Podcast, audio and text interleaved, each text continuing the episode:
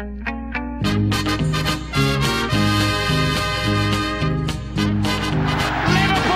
are champions of Europe again. Liverpool are prize winners again. Liverpool is in the record books.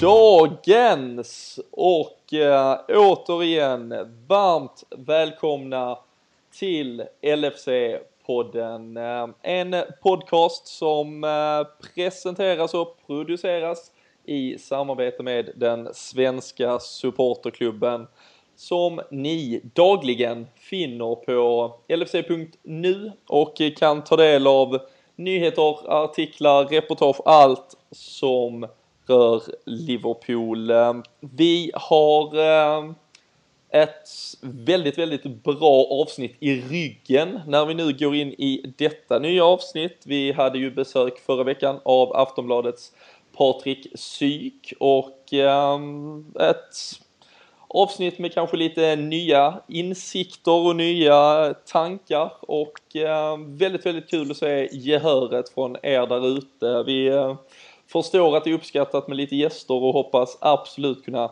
erbjuda mer av den varan framöver. Ehm, jag hoppas också att alla där ute har noterat att vi har flyttat vår bas till soundcloud.com eh, och att man ska ladda hem en ny sån här liten prenumeration på iTunes eh, eftersom vi har bytt plattform. Eh, så det var väl egentligen det lite inledande och mer ja, konkreta att veta vad gäller våran podcast. Men till dagens avsnitt så är eh, hela panelen återigen samlad. Det är eh, jag själv, Robin Bylund, och med mig har jag utspridda i Sveriges långa land Fredrik Eidefors, Robin Fredriksson och Viktor Fagerström. Fredrik, får väl börja med att hälsa dig välkommen hem till Sverige åtminstone. Du har ju tackar, tackar. legat och, och göttat dig förra veckan. Göttat mig är väl ungefär rätt ord att använda, ja. ja. Det, det har det varit. Och eh, du lyckades få, få podden med dig hela vägen ner till de grekiska öarna. Så du kunde... Om jag fick. Jag laddade till och med ner avsnittet bara för att kunna ligga vid poolen och lyssna på det utan problem. Så att det var... Nej. Och så satt man där på en halvtaskig stream, eller halvtaskig vill jag ta i. Det var, nej, det var lite snällt sagt. Det var den värsta stream jag någonsin har haft kan jag säga. Och bilden frös sig när Coutinho sköt. Jag bara hörde massa ljud och jag blev så jävla förbannad. Så att, men jag hörde att de gjorde mål och det... Inte, inte ska en stream stoppa mig från att kolla Liverpool, så är det. Nej, det låter bra det. Uh, Robin, du är också välkommen tillbaka. Uh, om än att du inte befann dig allt för långt från ditt hem senast kanske. Du var på lite allsvensk fotboll istället. Mm, Ja. Men det är inget, var... inget vi pratar om. Det gick inte så bra. Nej. Nej. Kort och ärligt. Börjar med så otroligt dålig stämning här direkt. Och, och Viktor, du är däremot bara tillbaka ännu en gång. Vi hade ju trevligt senast, du, jag och Patrik helt enkelt. Jajamän, jag tänker jag håller i så länge vi vinner. det, det låter bra det. Uh, då får vi ju hoppas att vi, eller att du kanske får ändra ditt schema sen så att du verkligen alltid kan, kan finnas närvarande åtminstone.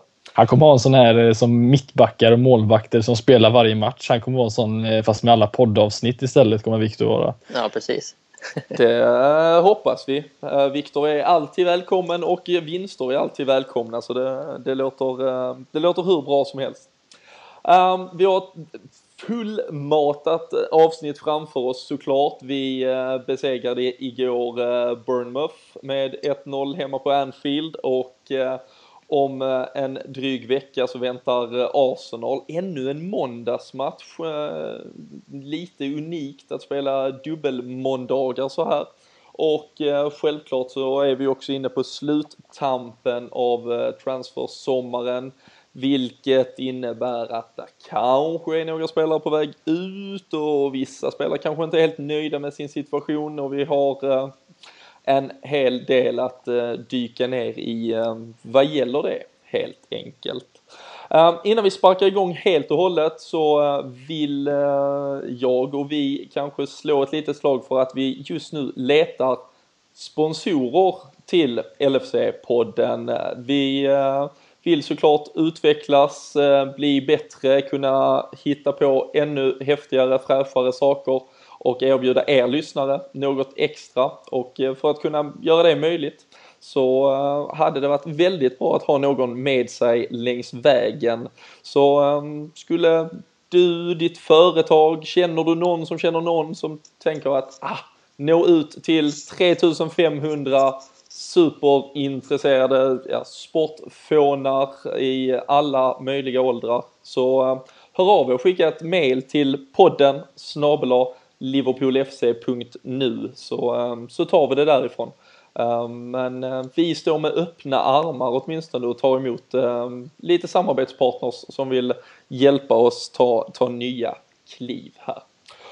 Men om vi annars hoppar in i allt det som rör Liverpool så var det som sagt match igår, måndag kväll hemma på Anfield, eh, Burnmouth stod för motståndet och eh, från start så eh, hade Brendan Rodgers bestämt sig att ge förtroende till samma 11 spelare som, som även startar premiären mot Stoke. Och Viktor, om vi börjar lite där, vi var ju inne på det senast när vi satt tillsammans med Patrik att möjligen något byte men annars att det kanske skulle bli samma 11 men med lite andra riktlinjer åtminstone. Hur eh, tyckte du att vi kunde se någon skillnad från start i spelet och hur vi faktiskt formerade de här 11 spelarna som ändå på pappret var samma spelare? Ja, så just från start så, så skilde sig ganska mycket från Stoke-matchen i och med att eh, Bournemouth var så, så väldigt aggressiva och på de första 10-15 minuterna. Liksom mot Stoke så, så stod det ju mest still i 90 minuter och sen small det bara. Men, eh, men efter den första kvarten där och när vi liksom kom in i matchen till slut så, så tyckte jag ändå att man såg en del skillnader. Och Henderson och, och Miller där på centralt mittfält satt ju inte alls i lika hög grad som mot Stoke utan de fick mer frihet att ta sig framåt som, som sig bör. Och även Coutinhos roll var eh, väldigt annorlunda. Det var mer den Coutinho som jag, som jag vill se i Liverpool. Den som nästan lite av en Iniesta-roll faktiskt. väldigt rörlig, lite mer eh, one-touch play och liksom, vi fick upp ett väldigt fint tempo där liksom, minuterna runt målet vi gör. Och eh, jag tyckte det, det flöt på bättre då. Vi, vi fick mer rörelse. Mm. Om, vi, om vi stannar lite, du är inne på det. Var Fredrik, vad, vad tyckte du om Bournemouths eh, så här, liksom all, all out attack fotboll på något sätt? Eh, själv kände jag li, lite chockad över liksom att man, att man vågar komma med den attityden kanske.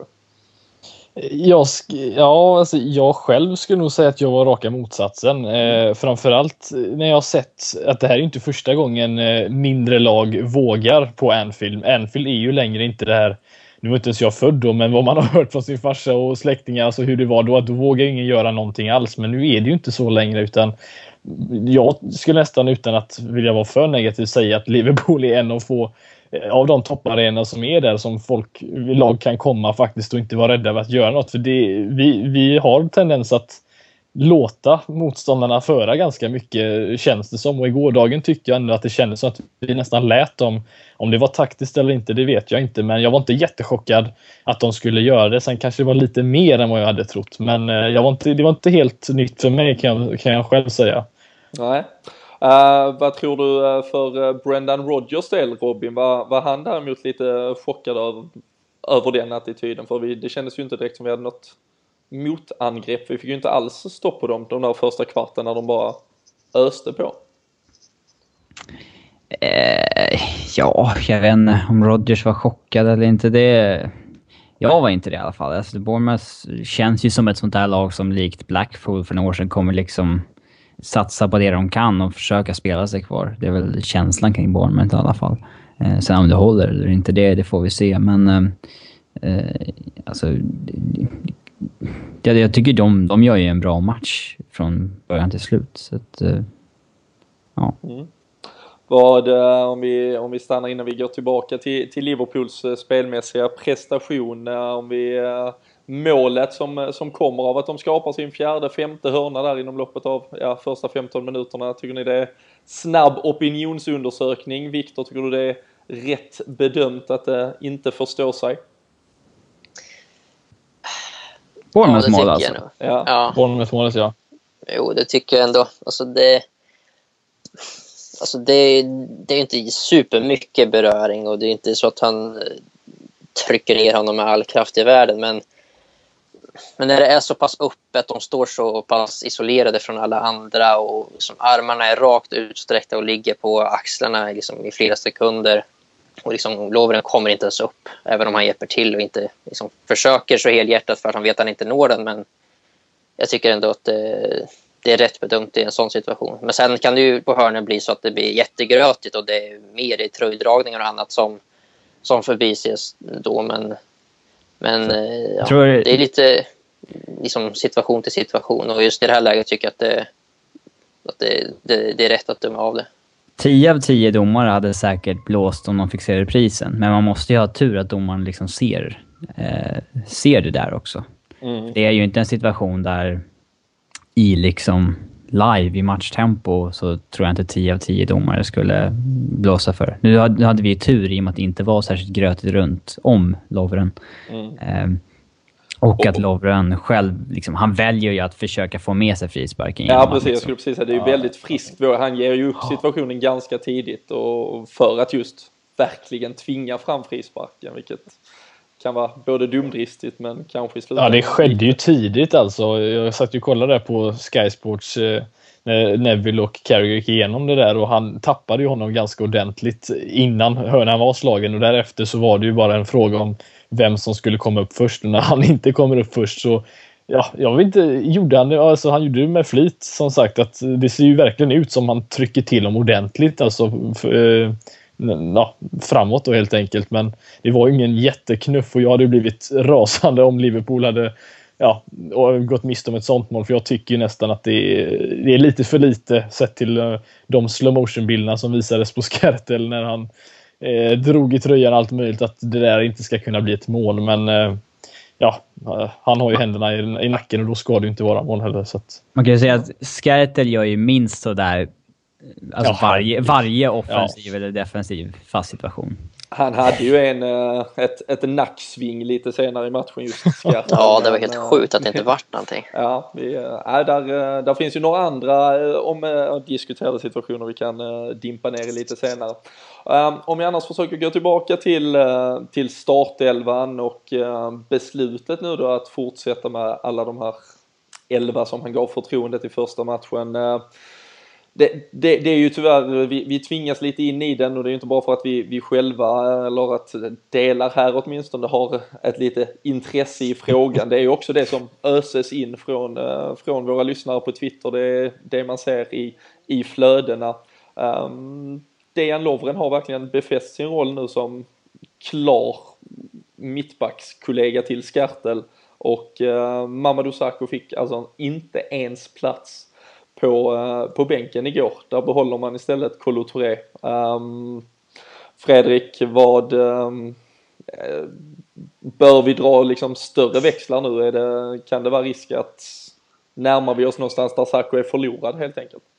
Ja, när det börjar komma in bud på en spelare, då, då vet vi väl, eller då känns det i alla fall som att det närmar sig, det börjar lukta lite i alla fall. Ehm, för att hade det inte hänt någonting alls, så hade han kanske varit på bänken i alla fall, det är väl en grej med att nu sitter han alltså på läktaren med en Kolo 3 framför sig som ja, inte ska sitta där före Sacco egentligen. Och eh, ja, så dålig kan han inte vara på träningar. Det, det, det, kan han inte vara. Jag vet inte riktigt vad det är, om det bara är favorisering. Men jag tycker det är tråkigt för att eh, hade jag varit Saco så hade jag ju... Ja, det var ju det, det var ju som jag, de säger i Sillypodden som sagt som jag lyssnade på förut och även också. Eh, han satt på bänken i PSG och skulle vara någon backup in i PSG och då stack han. Kommer inte stanna i Liverpool om det blir samma scenario här. Framförallt inte när vi har ett EM som närmar sig hemma och nej, nej han kommer lämna om det fortsätter så. Mm. Viktor, eh, du och, eh, och Patrik eh, var ju ganska rörande så här överens om att anledningen kanske till att han, han var petad i premiären var ju det här, det var ett beräknat barn som kanske skulle kunna ha kommit liksom på matchdagen. Man ville inte riskera någonting. Det var säkrare att bygga. Lovren, Skertel, svetsa den backlinjen, det mittbacksparet. Inte ens optimisten i en kan väl tyvärr längre tro att, att det är så, utan nu, det handlar väl faktiskt om ett, liksom ett, ett taget beslut här, att det är en Lovren är en, en bättre mittback för Liverpool än vad Mamadou Sakho är enligt Brendan Rodgers. Alltså just eh, under försäsongen och inför Stoke-matchen så, så tror jag definitivt att det här med barnet kan ha spelat in alltså, stor roll. Kanske alltså, avgörande till och med. Men eh, som du säger nu, senaste matchen så är det ju väldigt märkligt att, att han liksom inte ens är med på bänken. För då, nu har han ju liksom kommit tillbaka i träning och är fullt frisk och så. Så det, det, är ju inga problem, inga hinder så överhuvudtaget. Och det ska inte vara några splittringar liksom mellan Rodgers och Sarko som rapporteras eller någonting. Så det, Fast jag, vet inte, jag vet inte var man ska dra just, det. Det rapporteras väl just det igår. Beroende på vem du litar på kanske, men... Eh, det rapporterades väl trots allt bara från Twitterkonton med... Ja, men det har jag inte ens läst. Nej.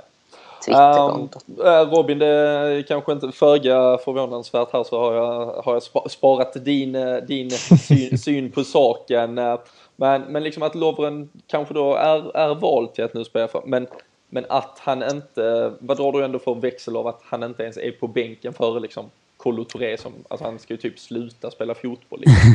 Det... Eh, ja, men alltså det är inte jätte... Alltså han har ju gått efter Touré eh, liksom flera gånger egentligen under Rodgers, eh, under Rodgers styre. Och det är inte första gången han inte är med i truppen heller. Eh, oftast har vi väl antagit att det är för att han har någon skavank eller sådär, men... Eh, det är en kille som Rodgers inte håller särskilt högt helt enkelt och det är väl, det är bara accepterat. Eh, och de de gångerna han har lyckats ta sig in i elvan så har jag ofta blivit skadad ganska snabbt. Så att, uh, mm. alltså det, jag tycker mest synd om honom som liksom... Han ville liksom spela i PSG som han liksom... Han ville bli deras Jamie Carragher liksom, men så fick de in massa pengar, köpa Thiago Silva och han vill bara ha brasilianska polare i backlinjen liksom och så... Eh, är han ändå liksom lojal och sitter två år på bänken där när det är liksom en jätteviktig fas i hans eh, karriär att han ska utvecklas. Och, så väljer han att gå till Liverpool som betalar liksom 16-18 miljoner pund för honom trots att han har inte ens ett år kvar på kontraktet. Och då tror man kanske att man ska bli ett första alternativ. Men så har han liksom gått två år här där han varit ja, typ en truppspelare egentligen. Och med tanke på att han är ordinarie i Frankrikes landslag och är deras första mittback liksom med Varan, Elik och Chelny bredvid sig, så eh, liksom får han chansen att lämna nu i augusti och till en klubb där han liksom garanterar speltid så borde han ju ta den. Mm. Om, ni, eh, om ni skulle sätta en, eh, en surt förvärvad peng på eh, var Mamadou Sakho kanske inte exakt var han befinner sig, men om han överhuvudtaget befinner sig på, eh, på Melwood och i Liverpool eh, den första september. Eh, vad är känslan just nu Robin? Eh, jag skulle nog säga att han inte är här då. Alltså det är inte så att vi måste köpa en ersättare heller. Alltså har vi Lovren, Skertel, Kolo Sen har vi ju Thiago Ilori som liksom känns långt ifrån en bänkplats ens idag, men är 23, 22 eller 23 år ska ju liksom börja spela nu. Liksom. Eh, Joe Gomez är också mittback egentligen. Och vi har ju täckning på den positionen så att eh, det är väl mycket möjligt att det kan... Eh, jag skulle vilja säga till Lutrot att han, att han lämnar. Mm. Viktor, eh, vad tror du där? Och eh, jag har läst lite om att Rogers ändå vill kanske ha in en, en ersättare innan han, han släpper honom, men det vet jag inte hur troligt det, det skulle vara. Vad, vad tror du bara kort om han, stannar han eller försvinner han? Jag tror ändå han stannar. Det, det är så pass lite tid kvar på, på transferfönstret här nu i sommar och det känns inte som, som sådana rapporter har intensifierats riktigt. Det, det, står lite för stilla för att för att det ska helt plötsligt fram en liksom, chocktransfer så. För det vore det ändå att man att en sån stor alltså, det är ändå ett ganska stort namn i fotbollsvärlden. Att skulle släppa en sån spelare oavsett om han är favorit eller inte. Och, nej, det, jag tror inte på det. Nej. Jag kan inte sluta heller tänka bara på liksom mycket man har sett honom med såna här välgörenhetsgrejer i Liverpool. Och liksom, det känns ju som en genuint underbar människa liksom, som, eh, som ställer upp på mycket och liksom gör vad han ska göra. Men om vi bara tar hans fotbollsegenskaper vid sidan om. Liksom det jag, jag kan ärligt talat inte förstå. Han har inte gjort någonting dåligt för att det här ska hända. Det är liksom... Nej men ja. därav kort och gott så är det väl och, och det... Liksom, han har inte Rodgers förtroende helt Nej, alltså där finns ju fortfarande Nej. även en, en klick fans som... Och jag var ju ganska tidigt en av dem som... Jag, jag ser ju inte den här enorma storheten. Sen kan jag absolut liksom tycka att han är... är Konkurrensen är inte mördande. Liksom, nej, nej, precis. Men, eh, men, men Brendan Rodgers ser väl honom honom eh, uppenbarligen inte alls som på den nivån som, som många supportrar kanske ser. Och, eh, Men antingen borde han väl tycka att han är tillräckligt bra, eller in, han är ju såhär... Ibland ser han ordinarie i 6, 7, 8 matcher, men sen... Sen så är han helt plötsligt fjärdeval igen liksom. Men det är han ju inte ensam om i i Brendan Rodgers Liverpool. Nej, nej men liksom... Det har ju hänt förr. Det är väl just att han, som du säger, sa förut, alltså han är ordinarie i Frankrikes landslag. Även fast Frankrike inte är någon, något storlag just nu som eh, levererar i Europa. Men det är ändå så att han är ordinarie där. Det är liksom, folk sitter ju... Ja, alltså, ja, precis. Folk sitter ju och eh, blir galna på Twitter. Tänker på Arsenal-fans framförallt som inte kan förstå varför Koscielny inte kan gå före. Men det finns en anledning att han är där. Han är ju älskad i det landet. Liksom det Ja, nej, jag, nej. jag tycker det är tråkigt. Det är det... Han signade ju inte så långt kontrakt när han kom till det. Han har ju faktiskt mindre än två år kvar på kontraktet. Så det börjar ju liksom bli läge att antingen förlänga eller alltså sälja om vi vill ha tillbaka ens liksom hälften av de jättesumman vi la på honom. Mm. Vi, ehm, vi får se vad som händer. Vi, eh, vi har en, eh, en dryg vecka, tio dagar kvar av transferfönstret eh, och, ehm, och mycket kan såklart fortfarande, två veckor har vi faktiskt nästan om vi ska vara helt ärliga. Men vi får se vad det, vad det blir för Mamadou Sakho. Ehm, samtidigt så, så har vi nu två nollor, ganska dugliga prestationer får man lämna sig från backlinjen. Fortfarande kanske snarare ett, ett mittfält som, som släpper till en del. Det gick går ganska lätt fortfarande att komma igenom eh, i vissa stunder. Um, ska, kan det inte vara tid på något sätt att visst, man kan ju tycka att Sako är bättre än Lovren, men förtjänar faktiskt Lovren någon form av liten revival i det här och att det har ju faktiskt varit helt okej okay, liksom. Är det en diskussion som ändå för lagets bästa bör läggas åt sidan nu, Viktor? Ja, alltså vi ska inte fortsätta om Sacco just så mycket kanske, men eh, alltså att vi att vi behåller en, alltså backfyran och målvakten om man säga backfemman som Rodgers brukar säga. Så alltså det kan jag ha full förståelse för att de ändå tagit, eller ja, vann första matchen 1-0 och det såg bra ut defensivt överlag.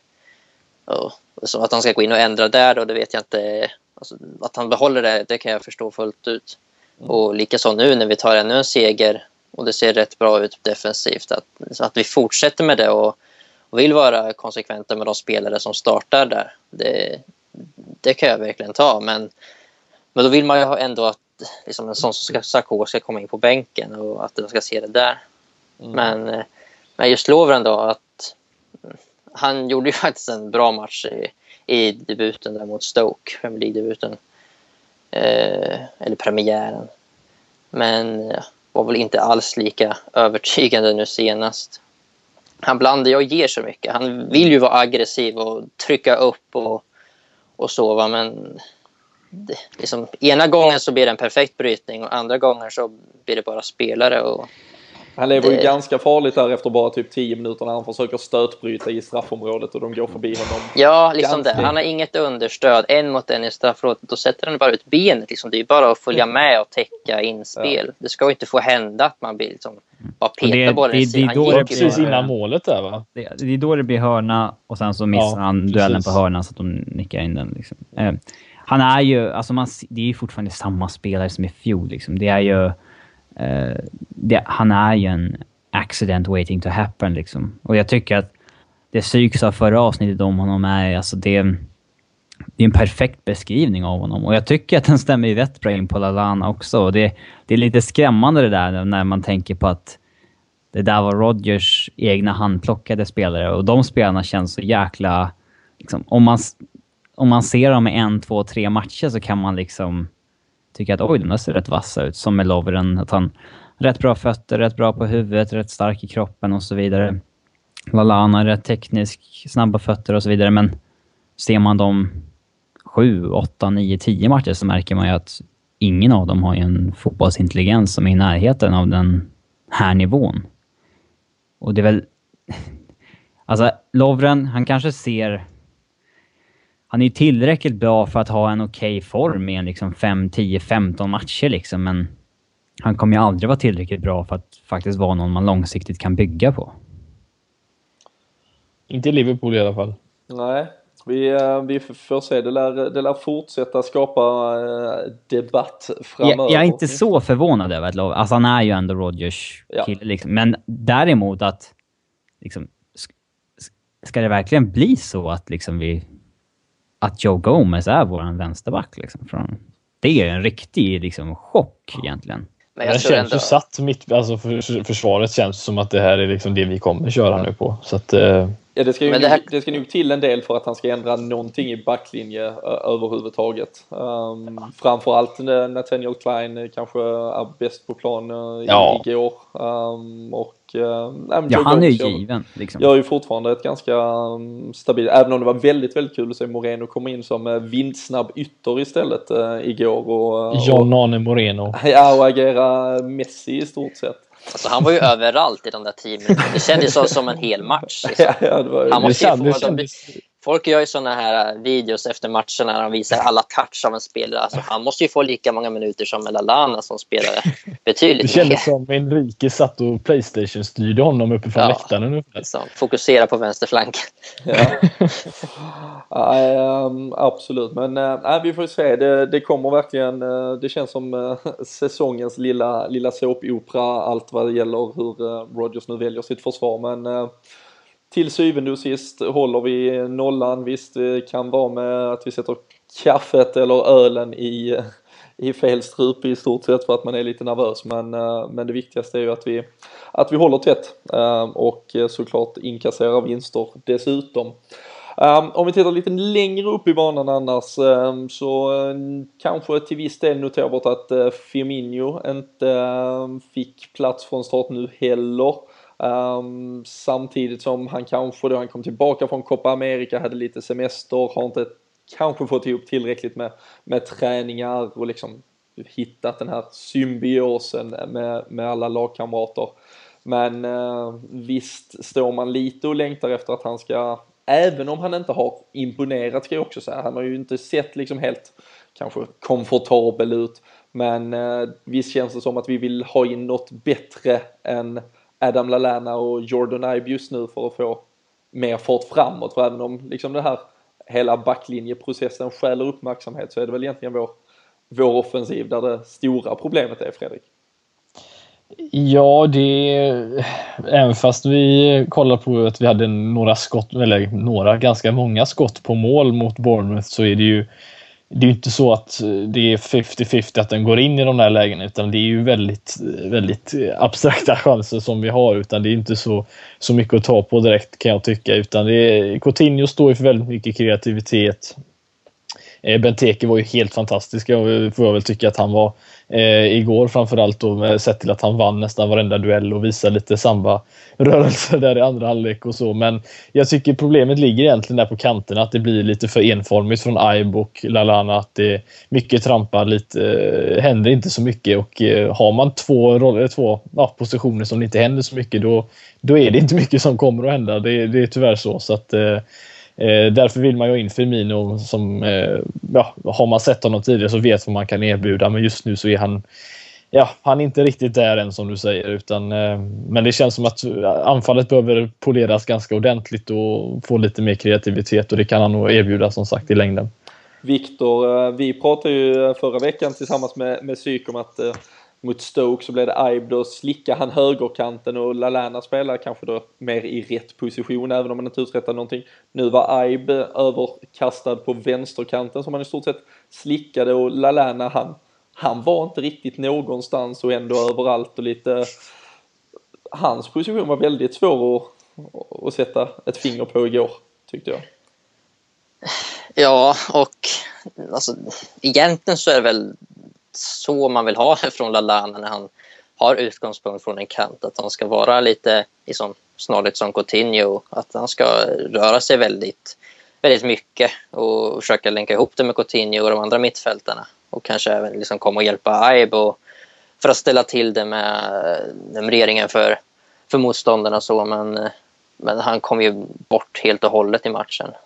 Jag, liksom, jag vet inte om man såg honom första 10-15. Alltså, det var, han var väldigt borta. Eh, ja, för då såg, det, då såg det nästan ut som att han låg liksom i någon skugga bakom Coutinho, liksom för nära honom men ändå fel i position på något sätt. Um, ja, hade... han hittade inte alls rätt och han fick inte ut mycket av sitt spel överhuvudtaget. Och Aib hade ju ingen jättebra match mot Stoke och även om det var lite bättre nu senast så tycker jag också att han, han har svårt att få, att få till någonting. Svårt att isolera sin sin ytterback och verkligen kunna gå på honom för Bournemouth jobbade hem bra och hade ofta understöd när, när väl fick bollen. Och jag gillar annars eh, konstellationen med att ha liksom Man City, att ha en som, som de hade förra säsongen, att ha en Navas, liksom snabb och liksom ganska rak spelare på ena kanten och ha en Nasri eller Silva eller Lallana Firmino på andra kanten som, som rör sig mer inåt och liksom blir som en extra offensiv inne i mitt fält.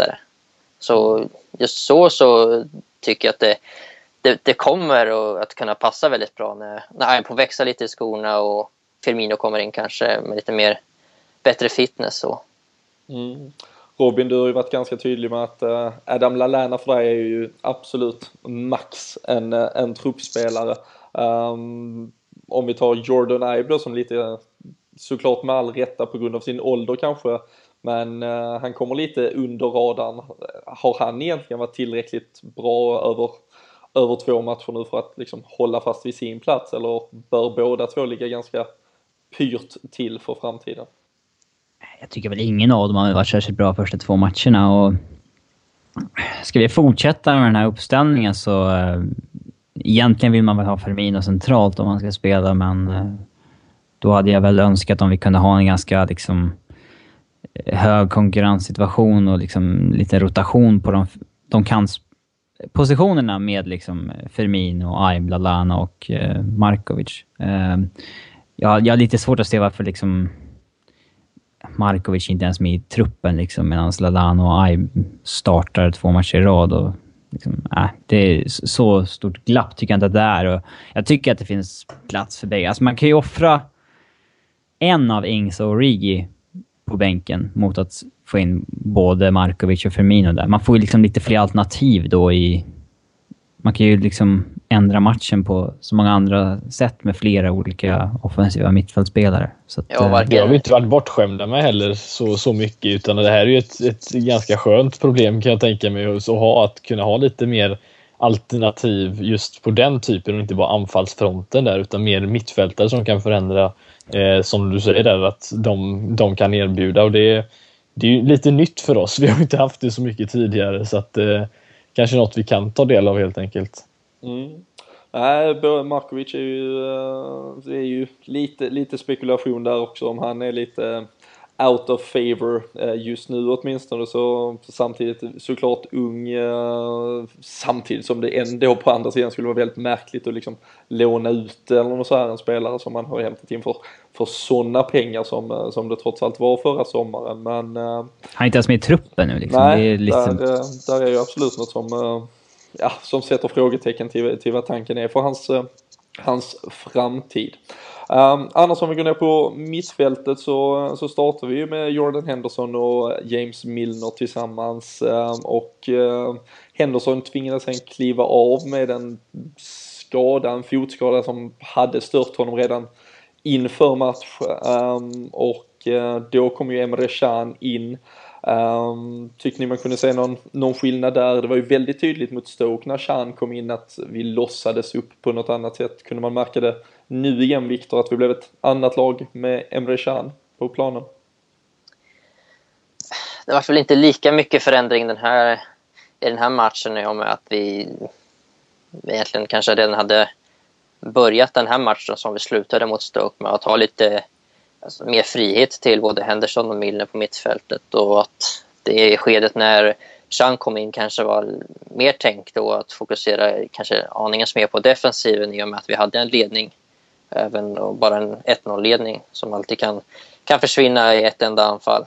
Men eh, alltså han, han gör ju några fina tacklingar och kom väl fel några gånger också. Så det syns han kom ju ganska, ganska fel vid ett tillfälle åtminstone där vi Ja, hade men det syns ju eh, både på han och Firmino tycker jag att eh, de är ju inte riktigt i slag och det kanske vid det här laget kanske det är mest, eller ja, Firmino är det väl att acklimatisera sig till, till ny liga och hela den biten men just att båda kanske behöver matchträning framförallt nu och få in tempot och, och tajmingen i allt. Kanske mer än, än just träning i sig. Mm. Och, och det är bra att jag kommer på så långt i alla fall men jag kan förstå ändå att, eh, att eh, båda de två börjar på bänken när det har sett ut som det har gjort när de har kommit in. Det är ett, när vi tar ut Henderson där, det är, alltså man... Nu var han ju skadad där, men det är ju verkligen en rätt liksom prekär situation. Det är ju... Om vi säger att vi hade ett lyxproblem bland de offensiva mittfältarna så känns det ju som att här har vi nästan ett lite jobbigt problem. Liksom. Vi har nämligen chans som är liksom för bra för att sitta utanför och bara vara, in, in, bara vara en inhoppare och liksom... För att inte satsas på liksom. Samtidigt som vi har Henderson och Milner som båda har fått roller som gör dem liksom opetbara liksom. Eh, där har vi lite... Ja, det är ett litet problem. Alltså, skulle man välja vem av de tre som helst ska starta så skulle jag ta Emre Can för att de, de andra två är liksom... De är ju för lika liksom. Det, det känns som vi blir en man till på plan när vi får in Can för han bidrar med något som de andra två inte har. Mm. Och det, är, det, är, det är svårt att komma ifrån men det är... Ja, jag vet fan hur man ska det- lösa det liksom. Och just, Nej, det, det, lär inte bli, det lär inte bli liksom... Sen ska ju liksom Brandons liksom love child Joe Allen in i, i mixen Ja, helt plötsligt liksom. Och han kommer ju få sina matcher här och där liksom. Det är, en- det är Joe Allen liksom. Ja, men det skägget måste man ju för sjutton se. Ja, vi Det får, måste ju... Ja, vi, får, vi får se hur det Men om man, om man tycker att det, om vi säger som det är, att det hade varit ett litet lyxproblem att haft mer offensiva spelare så kan jag ju som jag skrev på Twitter igår efter matchen kan jag tycka att det som jag saknar lite det är väl den här Mikkel att ha på, på bänken att faktiskt kunna släppa in, sätta in när, i de här lägena. Eh, alltså en blandning av Firmino eh, Mar- Markovic-grejen fast, fast även åt andra hållet för att vi, vi pratar ändå ett, ett, ett mittfält slash försvar som släppte till, vad var det, 14 skott fick Bournemouth ha på mål, eller ha avslut, alltså rena avslut. Det är 14, ja det är väl 13 för mycket som de egentligen ska få komma till mot oss kan jag tycka. Eh, så att det, vi, även fast vi aldrig har sett en riktig städgumma på det mittfältet så måste vi, tycker jag att vi saknar en som Vi kommer aldrig göra få det det jobbet. där. Vi kommer aldrig få det Nej, där alltså det är, det, nej, det är just det som är grejen. Men det är just där som jag känner att vi, det vi saknar då om man ska kolla på, på planen, alltså sett till och även på bänken vad, vad vi kan erbjuda. Mm. Eh, för då har vi någon som är så olik just Henderson och, och eh, även Chan för den delen. För han är inte heller en städgumma trots att han har tacklat mest av alla spelare under 2015 eller vad det var som någon stat visade efter, efter matchen. Så att det, Han skulle ju kunna bli den spelaren liksom, om han Mhm. formades in i den rollen. Men eh, så pass ung är han ju. Men alltså... En, en blind människa skulle kunna se att vi behöver en defensiv mittfältare, men Mm. vi kommer ju inte få det. Det är liksom... Nej. Det är inte Rodgers grej helt enkelt, så det är bara... Vi ska, vi ska komma in uh, lite djupare på just eh, uh, den där mittfältskonstellationen och, och hur man kanske bör resonera inför, inför Arsenal alldeles strax. Jag tänkte vi, vi avslutar ändå Burnmouth med, eh, med att lyfta fram, Fredrik, du har redan nämnt eh, Big Ben Teke eh, som eh, fick göra mål, kanske borde gjort två när han borde ha. upp den ena i ribban. Um, men samtidigt kanske borde ha gjort noll eftersom det kanske borde ha varit offside på det där um, 1-0 målet också. Men hans, bara kort Fredrik, hans prestation, vad du tycker är bäst i hans spel över, över hela matchen sett? Alltså, jag kan tänka mig att det inte är så jäkla kul att möta honom, även fast han inte är på den här Messi-Ronaldo-nivån. Men alltså att möta en spelare som är stor, stark och snabb som han faktiskt är, bra på huvudet. Det, är, det kan inte vara roligt oavsett hur, ja, hur bra du än är som försvarare, för han kommer alltid vara ett hot. Det är just det som är grejen. Eh, men det som jag tyckte som sagt var framförallt bäst igår, det var vad man såg. Liksom. Han vinner och är 10 av 10 luftdueller. Eh, och han visar prov på det som alla säger att han inte hade innan eh, han flyttade. Så att, eh, jag tyckte det var kul att just att vi hade någon i boxen som jag saknat så himla mycket. Så att, eh, jag tyckte han gjorde en riktigt bra match faktiskt. Än så länge behöver han dock sina krossar fortfarande så han har inte tystat ja. Tim Sherwood helt och hållet. Nej, det har han inte. Men jag kan säga så här att har man, eh, vi har ju spelare med bra inläggsfötter som kan leverera och eh, det kommer väl bara vara en tidsfråga innan vi kan eh, vi kommer utnyttja det helt enkelt. Nej, en uh, otroligt skönt att se att han uh, får göra mål, göra mål hemma, uh, gör såklart uh, kanske känslan lite extra speciell. Um, sen vad, vad, vad, tycker ni om uh, den här, det kommer ju alltid en ny tolkning av offside-regeln och skulle man ja. följt boken till punkt och pricka så skulle det varit avvinkat på Coutinho där som går efter bollen i offside-läge så jag förstår, förklara för mig nu. Alltså förra säsongen och tidigare säsongen, då har man sagt att om, alltså egentligen samma situation, om man påverkar spelet, om man står framför målvakten och, och, liksom, mm, och täcker, nu, då påverkar varit, man spelet och då blir det offside. Förr har det ju varit då att om han står framför och till exempel täcker till exempel målvakten. Synfältet eller? Ja. Men nu var det alltså, nu har de även infört att om du bara i offside position går mot och liksom aktivt spelar mot bollen, även om du egentligen inte stör någon utan bara att du aktivt spelar mot bollen, um, så ska man vinkas av. Men så känner jag att det alltid, alltså, det är ju så offside regeln har tolkats tidigare också. Alltså, ja. Går du efter bollen är det offside och Ja, ibland har de ju väntat tills du verkligen alltså på, tar bollen. Ja, ja, då tar de upp flaggan. Ja, men på engelska brukar man säga interfere with play och det är liksom att, att påverka spelet och det... Alltså, men det är ju flera gånger man har sett en, en ensam spelare som löper efter bollen och man tror att han är onside och sen när han väl tar bollen, då lyfter domaren flaggan. Ja. Så han har sprungit så 20 meter i Men det är, ju, det är ju fortfarande så den tolkas i Sverige. Där ska man ju invänta vem det faktiskt är som i stort sett fysiskt greppar bollen. Uh, men, ja, jag hade absolut inte varit glad om vi fick det där målet emot oss. För det är klart att målvakten tror ju att... Han stannar alltså, upp det... när han tror att skottet ska komma från Coutinho ja, liksom. Ja. Och så får alltså, Benfica ett mål på, på bortre. Liksom. Men, så att, äh, den hade inte varit kul. Men vadå, så om, om vi säger att Coutinho, han var ju offside när bollen spelas in. Om han bara hade gått, fortsatt gått mot Mignolet Fast när bollen kommer in och så kommer Benteke i mål, då borde det också ha varit offside alltså. Nej, då hade det varit mål. då är han i... Jo, men alltså backlinjen står ju helt still ändå för att de vet att han är offside. Ja, fast du måste alltså, liksom ändå, du måste ändå göra... Det också påverka. Nej, påverka. Du måste ändå göra en aktion. Vi, vi får ta in en, en domarkurs här och, och Vi kan igen. ta Howard Webb, han är ja. ändå avdankad nu. Så ja, ja. Vi, vi kan väl konstatera att vi hade lite tur med domsluten helt enkelt. Och, och 1-0 stod sig. Ska tillägga en sak som måste bara säga är lite kul och det är ändå att eh, nu har ju även om vi kollar anfallsmässigt Torres, Suarez, Starwich och Benteke allihopa gjort mål i sina Anfield-debuter vilket är lite, lite kul ändå.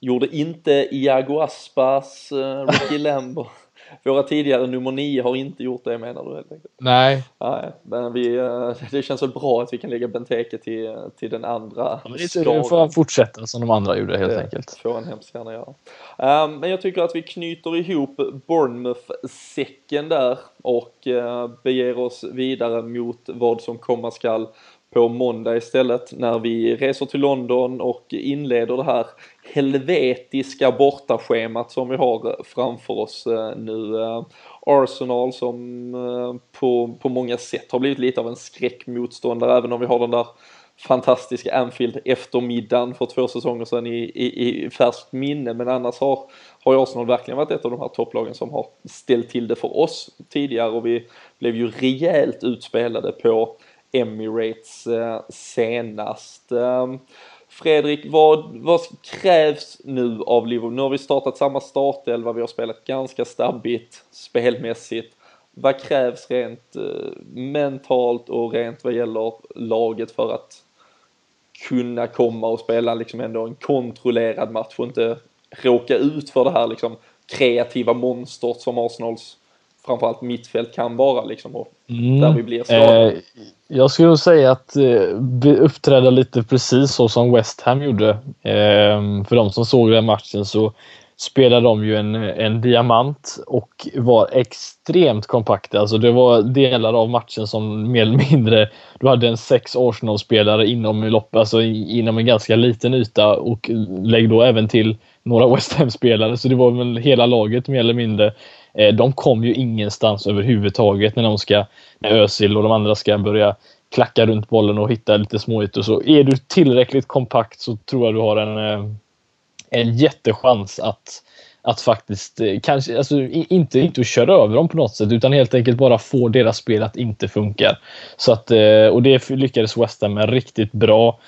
Ska du kontrollera en match på Emirates så krävs det att du är bättre på alla, alla delar och det är vi inte just nu. Så att eh, jag tror att vi blir att anpassa oss lite eh, och helt enkelt försöka få dem att ja, centrera dem så mycket som möjligt och inte få något kantspel att, att fungera. Då, då tror jag att det kan bli väldigt svårt och det såg vi ju senaste gången som du sa det med Sanchez och alla de som springer runt och kan skjuta helt enkelt. Och vi, och vi var ju inne nu och snackade lite om vårt, vad, vad vi har att tillgå på, på inom mittfältet och vi har ju nu valt att starta bara Jordan Henderson och James Milner. Är det kanske hög tid att eh, även plocka in Emre Can till förmån för någon, någon av de mer offensiva spelarna och få in minst tre stycken som kan spela det där kompakta mittfältspelet.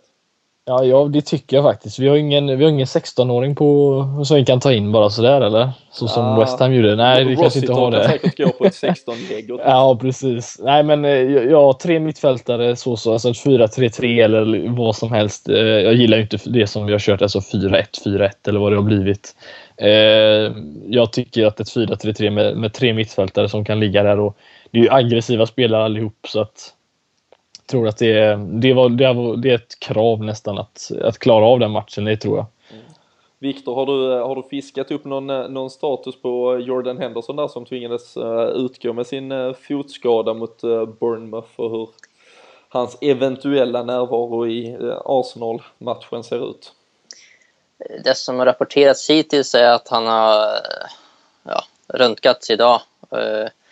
Och Liverpool-läkarna tror att det ska inte vara någonting brutet men att eh, han kan behöva liksom, en tids vila. Och resultaten ska ju komma imorgon då så att vi får snart nog eh, svar på, på hur det blir inför Arsenal-matchen kan jag tänka mig. Mm. Men eh, alltså, annars är det ju att få in eh, Emre Can där med Henderson om han nu kan spela och James Miller skulle ju definitivt steka upp defensiven och våra centrala spel och det är ju där Arsenal är som som bäst helt enkelt. Och, alltså just diamanten också som, som var inne på det med som West, West Ham använde sig av var ju riktigt stark och de gjorde det ju fantastiskt bra. Det var en av de bättre taktiska matcher jag sett från ett liksom, mittenlag i Premier League på, på ett bra tag. Mot Arsenal dessutom på, på Emirates.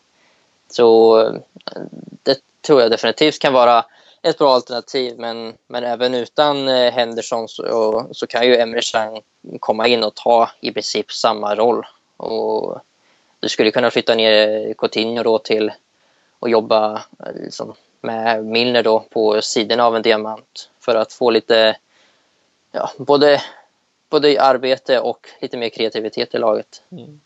Robin, hade det inte varit skönt om, och nästan liksom lite så befriande om Brendan Rodgers verkligen åker till en sån här toppmatch nu. Vi fick ju storstryk mot City, mot United, mot Arsenal förra säsongen och försöker faktiskt grisa till sig en poäng. Vi har liksom startat med, vi har sex poäng, sju poäng efter tre matcher skulle ju vara en kanonstart egentligen.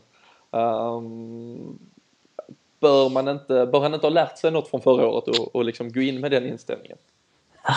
Jag vet inte. Jag, jag, har man... Alltså det krävs ju på ett sätt material för att göra det också.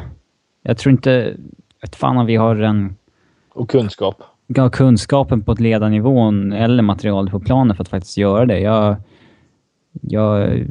Jag vet fan. Samtidigt har vi inte material för att gå all out attack som vi gjorde liksom under sista säsongen heller oavsett, oavsett motstånd. Så det, ja. ja, jag är nöjd med liksom en poäng hur, hur vi än tar den så att säga. Mm.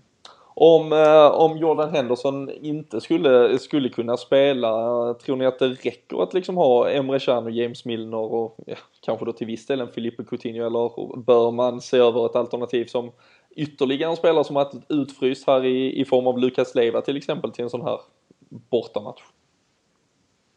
Det känns ju konstigt om Lukas skulle gå från att sitta på läktaren till att gå in i startelvan mot, mot Arsenal.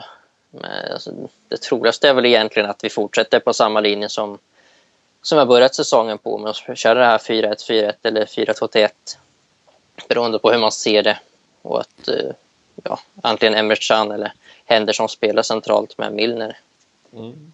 Och alltså sitter vi så visst, det, då har vi nog större chans med att klara om man ska kolla mot Stoke-matchen för då, då låste vi matchen. Å andra sidan så är ju Stoke ett helt annat lag än Jonathan Walters och Alexis Sanchez är inte exakt samma speltyp. Men, eh, motsvarigheterna i alla fall. Nej. Fredrik, eh, hur, eh, hur skulle vi eventuellt kunna, kunna straffa Arsenal? Vad, finns det några förändringar eller är det med det materialet vi har? Eller vad hade man kunnat göra för att uh, faktiskt ställa till det? Offensivt eh, del helt enkelt. Arsenal tycker jag ofta man kan straffa genom att de, ja, har, man, har man lite speed så kan man absolut eh, liksom ta bollen i, i rätt tillfälle så att säga från dem och faktiskt kunna Eh, inte möjligtvis bara kontra utan faktiskt även kunna hitta en lite snabbare boll bakom eh, Koscielny och, och Mertesacker. Så att jag tror, eh, alltså hade vi kört en diamant till exempel, då, då är det ju någon som ska in där uppe möjligtvis. Och pratar vi Origi eller Ings eh, så är det ju lite mer speed och lite mer hot mot deras, eh, som sagt, eh, deras mittbackar och sen är det ju eh, som många andra har försökt sig på sen tidigare att få ut Konkulär nästan som ju på något sätt påminner om Frimpong när han, han är som galnast. Så att eh, eh, kunna straffa dem lite med lite speed och på kontringar, då tror jag att vi eh, absolut har en chans. För det har vi ju där uppe med Benteke och möjligtvis vem det nu som kommer in då. Mm. Vad, Robin, vad, vad, vad, tror du om, om Brendan Rodgers tankar? Går han med sin, ja, sin startelva som han nu har satt och, och, och fortsätter på inslagen väg? Jag tror att det blir samma startelva som tidigare. Är det ytterligare två bud på det eller Viktor, Fredrik, någon av er som uh, tror att vi får ah. se någon förändring om den, såvida den inte tvingas fram i form av till exempel Jordan Henderson? Ja, det är väl den i så fall, annars så blir det nog exakt samma. Mm. Nej, jag tror också på samma. Det, det är Rodgers vecka. Det kan köra på att ha fullt förtroende för de som får, får, får resultatet med sig och hade vi sett ett tidigt byte på Lalana mot Bournemouth, då hade vi nog fått en indikation på att Rodgers inte hade varit nöjd med hans första två matcher och att då kanske hade Firmino spelat. Men nu fick ju faktiskt Lalana 90 minuter, vilket han väldigt sällan får. Så att han... Ja, gick ju till och med ner på mittfält och spela. Faktiskt. Ja, det var, ja, det var mycket märkligt. Men uh, där verkar ju Rodgers konstigt nog vara rätt nöjd med prestationen hittills. Mm. Det är väl den, den annars den som flest personer skulle ändra om man fick välja. Ja, Markovic startade väl mot Arsenal när vi förlorade den matchen va? Eh, då startade han väl? Uh, ja, som ytterback va? Då. Ja, var det ytterback? Jag tänkte ja, jag vet inte, jag minns det. Nej, jag tänkte bara på den typen alltså av... Där hade vi väldigt mycket speed som sagt, alltså som, som kan kontra sig runt där och det, det är ju inte riktigt vad Lalana erbjuder om man säger så, utan eh, det är raka motsatsen egentligen. Det är väl Ibe som får stå för det då. Nej, Markovic speed hade varit jätteintressant att få in. Men det, han känns ju jättelångt ifrån en start. Ja, det är ju tyvärr så. Ja, och fram, det är också att, för jag tycker inte alls att varken Ibe eller Lallana har fungerat egentligen med Benteke på något sätt, utan uh, Benteke har ju verkligen fått spela enmanna fotboll och visserligen gjort det väldigt, väldigt bra men hade man kunnat ge han ett komplement som låg ganska nära honom och, och, och var kreativ och konkret nog i, i liksom i offensiv tredjedel. Um, vilket på lång sikt, jag är övertygad om att Firmino erbjuder på ett helt annat sätt så, så känns det ju lite mer spännande än, eh, än hur vi har inlett här åtminstone. Men um, vi, får, uh, vi får se vart, uh, vart det hela slutar helt enkelt. Ehm, Fredrik, om du ska tippa utgången i Arsenal-Liverpool, vad, vad säger hjärtat och hjärnan i, i symbios? 1-1. Eh, jag tror inte att det blir en grisegrej. Jag tror bara att vi får göra något mål på en hörna och faktiskt eh, försöker bara kriga till oss den här poängen som du sa. Det um, låter bra det. Um, vad tror du Viktor?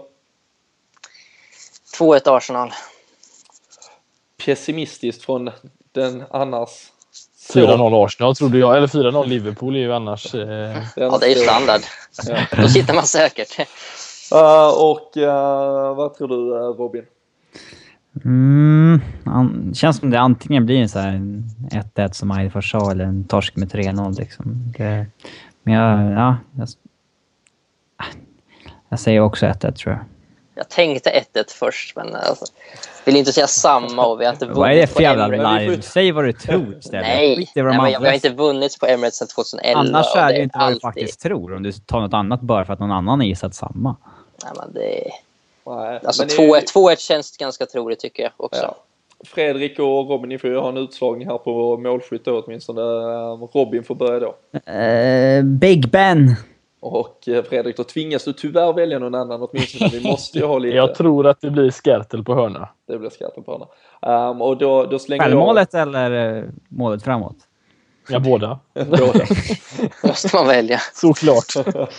och uh, då slänger jag mig in i uh, op optimisthatten här och, och säger 1-0. 1-0 så att vi får uh, Liverpool, så vi får den där starten som vi fick för två säsonger sedan. Tre raka... på straff också va? Vad sa du? Lovren på straff var det du tänkte eller? Lovren, ja efter sin eh, besikta straff så lär han vara först på kö. Uh, nej fy, eh, fy fan, det får vi inte hoppas. en vinst hade ju suttit väldigt fint faktiskt. Inte ja. bara för att vi har startat bra utan just för att vinna på Emirates. Det, ja, också, vi, det alltså, händer så sällan. Ja men skulle vi göra det så skaffar vi oss ett faktiskt enormt försprång till, till Arsenal och till viss del även Tottenham redan nu också på, på fem respektive sex poäng. Men eh, jag tycker det viktigaste är att inte förlora. Jag, jag ja. hade gärna sett den där eh, riktiga grisinsatsen. Um, en som åtminstone hade tippat 1-0 till Liverpool nu mot Bournemouth senast, uh, Ulle Grafström från Borås som uh, vann en... Kompis med Forsell eller?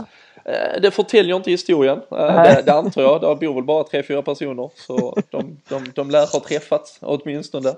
Uh, och uh, om ni där hemma vill vara med och uh, tippa denna gången också så funkar det såklart alldeles utmärkt. Vi kör tipstävling varje vecka tillsammans med samdots.com där eh, ni helt enkelt följer instruktionerna inne på vårt Twitterkonto. Man ska följa vårt konto, man ska retweeta lite, man ska tippa vad man tror och eh, faktiskt sätta en liten twist och eftersom det är lite toppmatch som vankas nu här så slänger de faktiskt in ett par riktigt schyssta eh, sweatpants, ett par mjukisbrallor istället för eh, den klassiska t-shirten. Toppmatchbyxorna. Det är Colin Pascoes gamla, gamla brallor har de slängt in i potten. Man har ju alltid sweatpants när det vankas toppmatch. Absolut, absolut. är det ritualen din eller? Så uh, nej, de, de där kan man nog sitta jäkligt gött med i soffan under uh, hela den kalla hösten som snart kommer bitandes. Um, men eh, med, eh, med det så har vi i alla fall summerat Burnmouth, Bournemouth, vi har summerat Arsenal. Det är upplagt för er att nu tippa vad ni tror. Men, men innan vi stänger igen fabriken så måste vi såklart också se vad som händer lite vid sidan av planen. vi har ju varit inne på framförallt kanske Mamadou Sakho som ryktats möjligen vara på väg bort men eh, annars Viktor så är du, eh, du är krönt konung av eh, vad som florerar på Twitter och jag tänkte att du skulle få dra upp tre, fyra spelare eller stories som, som man bör känna till eller ha, ha med sig i minnet för den här veckan? Jag får bli någon Patrik Sjögren alltså. Ja, du får bli det, är lite, lilla... det är lite svårt med blåljus i podd bara. vi, får, vi slänger på en liten uh, lampa eller någon liten bling-bling här. Men uh, vad, vad, vad händer ute i vida världen? Nej, men det som är, ja, ligger närmast hjärtat just nu är väl att eh, Andy Hunter på The Guardian rapporterar att både Lucas och Sarko kan lämna innan transferfönstret, transferfönstret stänger. Och, liksom det skrev han efter matchen nu senast att det är busfärskt liksom.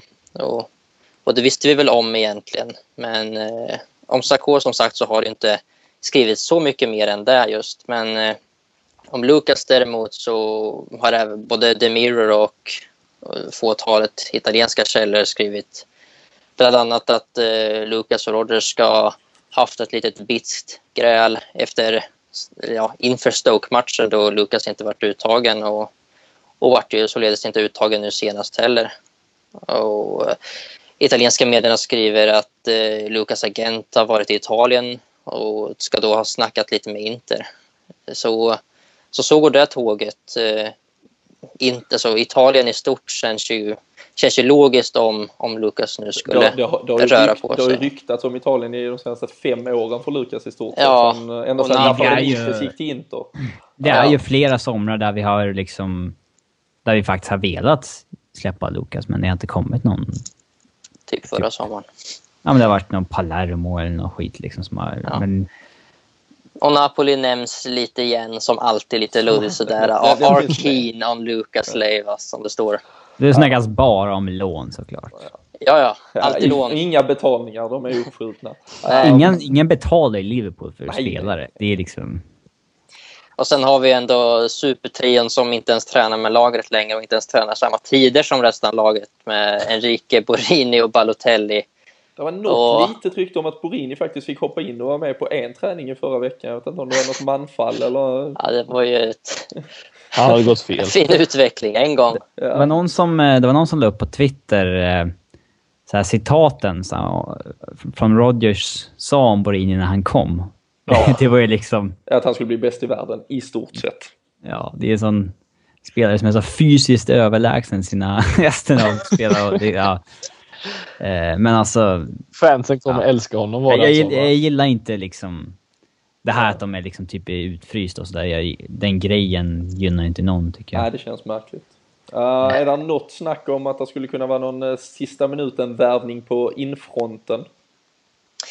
Det skrevs lite just innan vi drog igång podden. Uh, något, uh, ska vi se här. Det var Ilramendi är väl lite ITK-snack om? Ja, Ilramendi.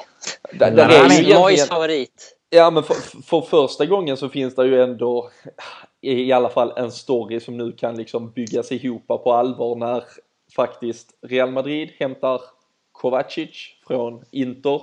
Inter nafsar lite på Lukas och Liverpool skulle kunna hämta Ilramendi uh, från Real Madrid i ett... I ett ja, det... Han säger det ju med Mois accent alltså. Ja, det, är det, som är det, bästa. Ja, det går inte att säga det rätt efter att ha hört honom men på Vine 2000 gånger. som har skrivit om det där va? Vad sa du? Det var Metro som har skrivit om det där. Ja, jag såg någon, eh, någon av de här som ändå är något sånär tillförlitliga hade börjat nafsa ja. lite på det. Men, men äh, lägger man de... ihop pusslet så, så, låter det ju logiskt i alla fall. Så ja. blir det ju. Men, äh, ja, och, och, som sagt, har ni inte sett eh, David Moyes säga Ilaramendi så äh, youtuba genast. Visa för era barn och... ja, ja, ja, ladda hem, spara. Skriv, gör, gör en VHS med det. Behåll det för all framtid. Men, ja, man saknar den jönsen. Men alltså. visst sa Di Marcio att Balotelli inte var intresserad av att eh, gå tillbaka till Italien? och att Watford var intresserade. Alltså, jag såg någon headline om Watford, men jag har inte... Jag vet inte om det var Divancio själv eller... Kändes... Jag vet inte om det var Divancio själv eller om det var någon i hans staff, så att säga. Men... Eh, Entourage. Eh, ja, det är väl... Det hände väl någonting med Balotelli i alla fall. Eh, alltså ingen, ingen kan ju vilja att, att han blir kvar. Alltså Balotelli kan ju inte med den behandling, oavsett vad han har gjort innan och så. Och, liksom, under säsongen. Och, Alltså till slut kommer det gå så långt så att Liverpool tar det de får. Om det är ett lån där, de, där Sampdoria betalar 10% av hans lön så kommer de ju ta det. Ja, det är ju Eh, bättre än att vi betalar 100 procent. Jo, men alltså, det är ju alltså, Och det är att han sitter på läktaren här. att han sitter kvar. Ja, och de måste liksom hitta i träningstider för han när inte resten är där. Och, alltså, Hyra en plan i, i Kirkby där han kan träna. ja, och liksom det... Nej, Och så är det ju, om vi faktiskt ska försöka sälja han igen nästa sommar, det är ju bra om han faktiskt har spelat någonstans och kanske har ju liksom... gjort några Jo. mål i, Ja. i serien. Ja, men det, alltså det är viktigt att alla de här tre spelarna vi nämnde alltså kommer bort från truppen, för annars kommer de ju bara sitta och... Alltså det är ju, det är inte jätte... Alltså om man tycker att de har haft dålig inställning tidigare så det blir Alltså- inte lättare att veta att du kommer inte spela en sekund. Alltså, Rodgers... Svårt att veta hur han är innanför stängda dörrar, men han säger ju att alltid vill att det ska vara väldigt tydligt med att spelarna vet vilken position de har i, i hans bygge. Och sen är det upp till dem om de vill stanna kvar eller hur de nu vill göra. Men, Borini Men- kommer ta en jävla skambud för till slut 5-6 mille. Och, alltså om Enrique sitter kvar sista året på kontraktet, och det, det gör ju varken till eller från det här laget. Det, nej, nej, men om du sa där om Di Marzio och Sky Sport Italia. Alltså, Watford ska då vara intresserade. Eh, Milan och eh, Sampdoria likaså eh, ska vara tillgänglig för 7 miljoner pund ungefär. Det, och Det känns förnedrande om vi sålde han för 7 miljoner pund till Milan när vi kö- köpte han för 16 för ett, ett år sedan från dem. ja, det vore ju... Milan, Milan är ju ute ur leken känns det Men hur kul hade det inte varit med Balotelli i Watford? Ja, det hade varit sjukt häftigt. Ja, hade ju varit galet. Han och Elton John hade partajat ordentligt. Men äh, nej, som sagt, inte så mycket konkret egentligen att ta på. Vill vi att Lukas ska lämna bara? Ska vi ta den? Nej, det vill inte jag. Jag tycker han, Nej. han stannar om, om det inte är att det kommer in ytterligare en. Men äh, vi måste, jag, jag vill ha en, en defensiv mittfältare. Ja, det är samma... Alltså, ha- hade vi ersatt Lukas med någonting? Ja, visst. Det hade varit jättebra. Men... Eh, en dålig defensiv mittfältare är bättre än ingen defensiv mittfältare. Ja, Ja. Nej, det såg vi ju när vi tvingade Steven Gerrard att spela där liksom. Inte, inte men alltså när, när Lukas... Han, det har ju faktiskt varit perioder de senaste åren när han har kommit in och liksom... Man har, man har i alla fall sett att det är en spelare som i alla fall behärskar den rollen någorlunda. Sen att liksom... Ja.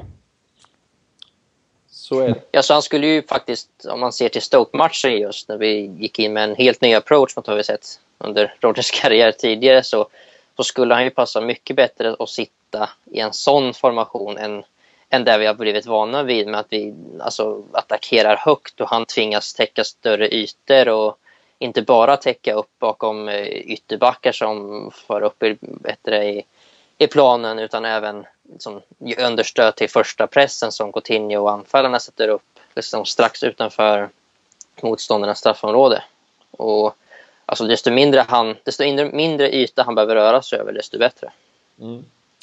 Vi eh, får se vad det blir för eh, klubbadresser för några av de här spelarna. Det, kan, eh, det känns ju som det blir en del på utfronten här under de sista veckorna men det kommer vi såklart att summera när vi väl bommar igen det där fönstret.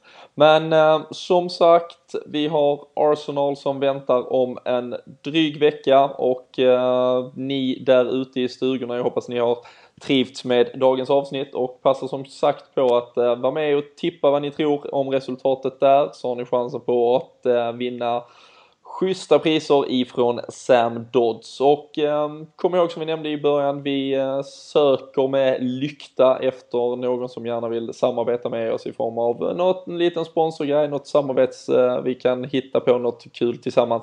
Så eh, vill ni synas i eh, förbindelse med våra avsnitt, höras när vi inleder och avslutar våra program, så eh, hör av er.